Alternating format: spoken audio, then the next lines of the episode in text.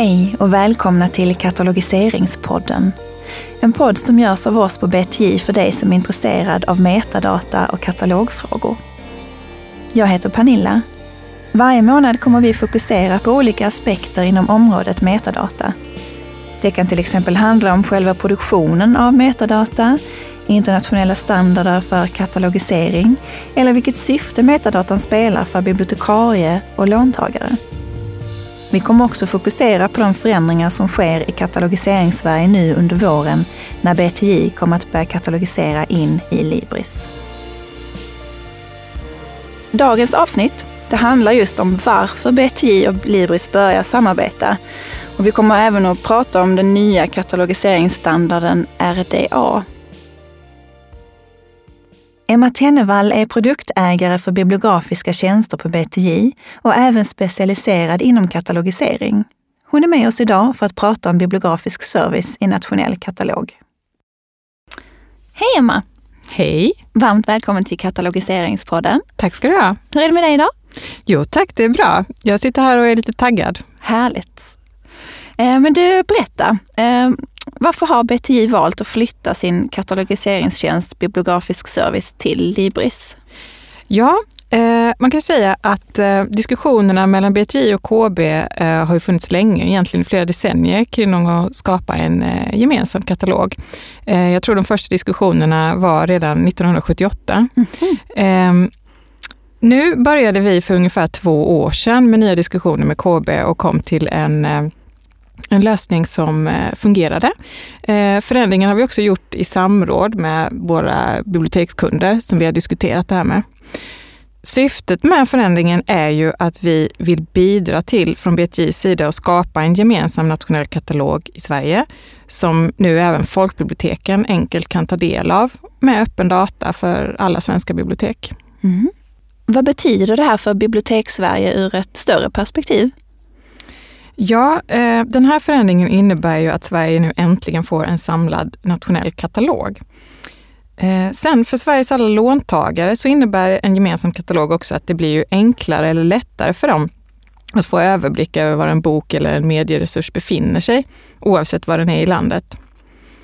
Sen, eftersom BTJ är en storskalig och professionell leverantör av katalogposter så innebär det att kvaliteten på metadatan i den nationella katalogen kommer att förbättras. Mm. Det här är ju viktigt för bibliotekssektorn eftersom det skapar bättre möjligheter också för att utveckla nya digitala tjänster. Sen en annan viktig effekt är att centralt utförd katalogisering faktiskt kan sänka den totala samhällskostnaden för bibliotekens metadataproduktion. Och eh, kanske allra viktigast så frigör det också tid för biblioteken till deras utåtriktade verksamhet. Okej, okay. Eh, och för Libris-biblioteken, vad innebär det för dem? Ja, eh, för de bibliotek som har varit Libri-bibliotek länge så har ju de nu också då möjlighet att få stöd och hjälp med sin katalogisering i Libris. Många av de bibliotek som har katalogiserat själva eh, tidigare i Libris har haft eh, en hel del problem, eh, till exempel med mångspråk, som det saknas kompetens för ofta ute på biblioteken. Eh, och det har funnits ett behov av centralt stöd och det kan vi ju nu lösa åt biblioteket genom den här tjänsten. Mm. Eh, och därför är vi väldigt glada också att vi har nu närmare ett 20-tal nya kommuner eh, som har varit Libris bibliotek sedan tidigare som mm. har valt att få stöd och hjälp av oss i Libris. Okej. Okay. Om vi tittar på det här mer ur ett katalogiseringsperspektiv, vilka förändringar innebär det då? Och hur blir det för de biblioteken som har bibliografisk service idag? Ja, eh, ur ett katalogiseringsperspektiv så innebär det många förändringar. Eh, det främsta är ju att katalogisatörerna på BTJ kommer att använda sig av ett helt nytt verktyg, Libris Excel, som är framtaget av KB. Eh, det i sig innebär att man frångår markformatet och kommer att använda sig helt av Bibframe. Ehm, det innebär även ett nytt regelverk, RDA, som vi inte har katalogiserat till inom bibliografisk service innan. Eh, det innebär också ändrade standarder och praxis för till exempel val av namnform.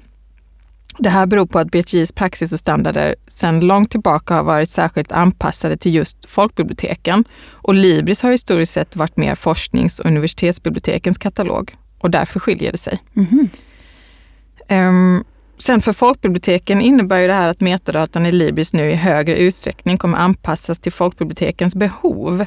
Eh, BTIs verksamhet är ju sedan många år särskilt anpassad just till folkbiblioteken och det kommer vi fortsätta att arbeta för att anpassa Libris mer eh, till folkbibliotekens behov, eh, både i dialog med våra kunder och med Kungliga biblioteket.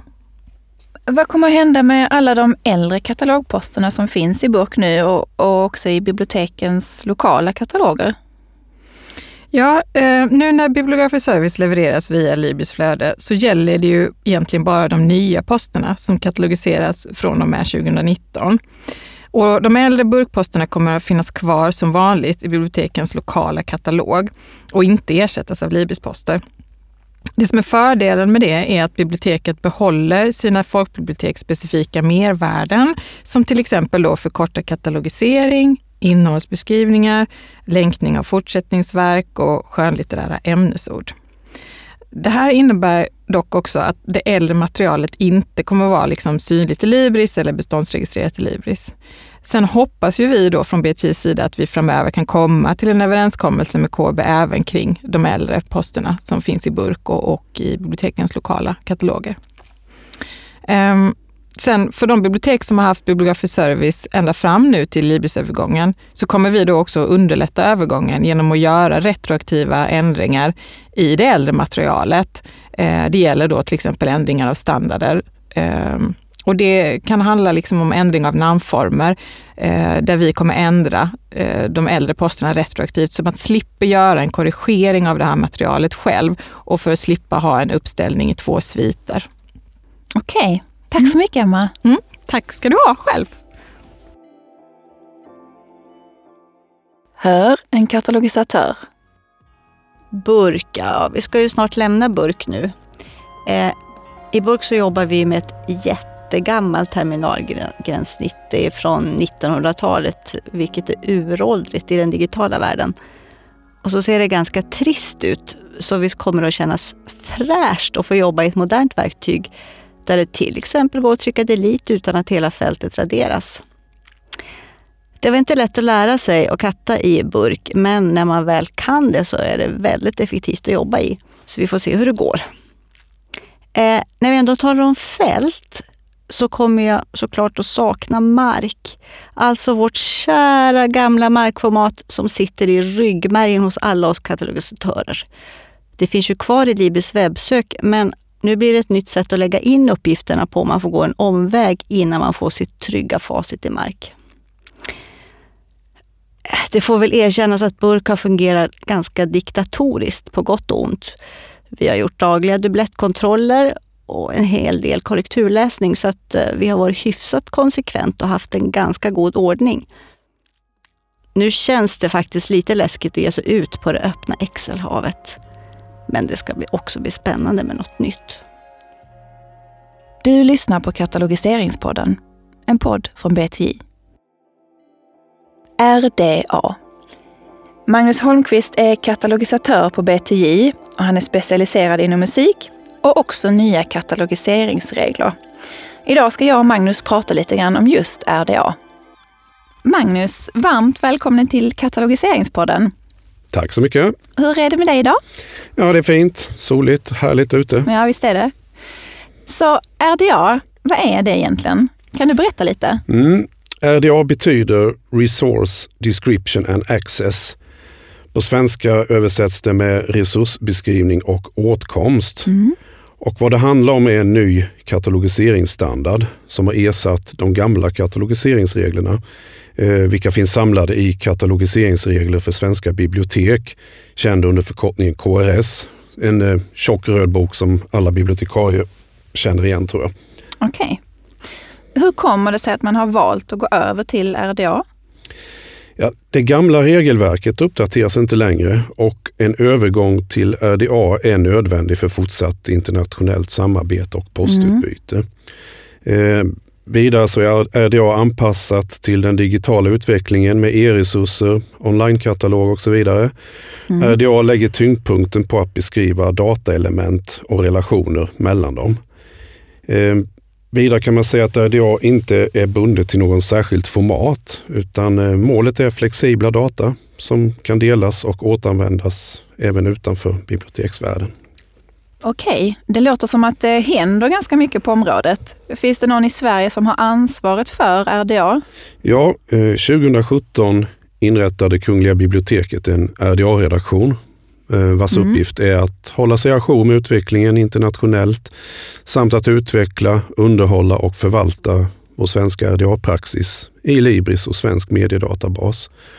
Och utöver det så finns från och med 2017 på hösten där så finns en nationell RDA-kommitté med representanter från forsknings-, special och folkbibliotek runt om i landet. Även BTI har en represent, representant i kommittén och det, ja, det är jag då. Mm, Okej. Okay. Eh, den här kommittén, vilken roll har den? Kommitténs roll är att vara rådgivande, eh, utgöra ett stöd för KBs beslut i frågor som rör RDA Okej. Okay. Eh, vad är den största skillnaden att arbeta efter RDA jämfört med de gamla reglerna i KRS?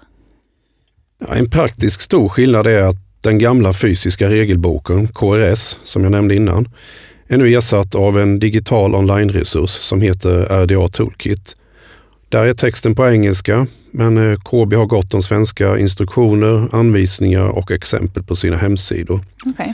Så på detaljnivå är det inte alltid så stora förändringar, eh, inte så länge RDA uttrycks i Mark 21-formatet. Men den bakomliggande begreppsmodellen är helt annorlunda. Man kan också säga att RDA ger större frihet åt katalogisatören eller den katalogiserande instansen. Mm. Kan man säga att en post är katalogiserad enligt RDA och hur ser man det i så fall? Ja, om man tittar Noga i posten så ser man att fält 040, eh, delfält E, innehåller värdet RDA och fälten 336, 337 och 338 har kommit till eh, för innehållstyp, medietyp och bärartyp och de ersätter den allmänna medietermen. Till exempel kombinerat material eller ljudupptagning som eh, tidigare låg i fält 245. Sen kan man också lägga till att eh, fält 260 eh, för utgivning har ersatts med fält 264 och det blir ofta två stycken fält. Mm, vad härligt med detaljnivå, det gillar vi. Ja. Bra, tack så mycket för din tid Magnus. Ja, tack så mycket. Då har det blivit dags att avsluta det här avsnittet av Katalogiseringspodden. Tack till Emma, Ingrid och Magnus som var med oss idag och svarade på våra frågor kring BTJ, Libris och RDA. Varmt tack också till alla er som har lyssnat. Berätta gärna för oss vad ni tycker och tänker kring det här poddavsnittet och hör gärna av er med frågor. Kontaktinformation det hittar ni här i anslutning till podden. Tack för idag! Du lyssnar på Katalogiseringspodden, en podd från BTJ om metadata och katalogfrågor.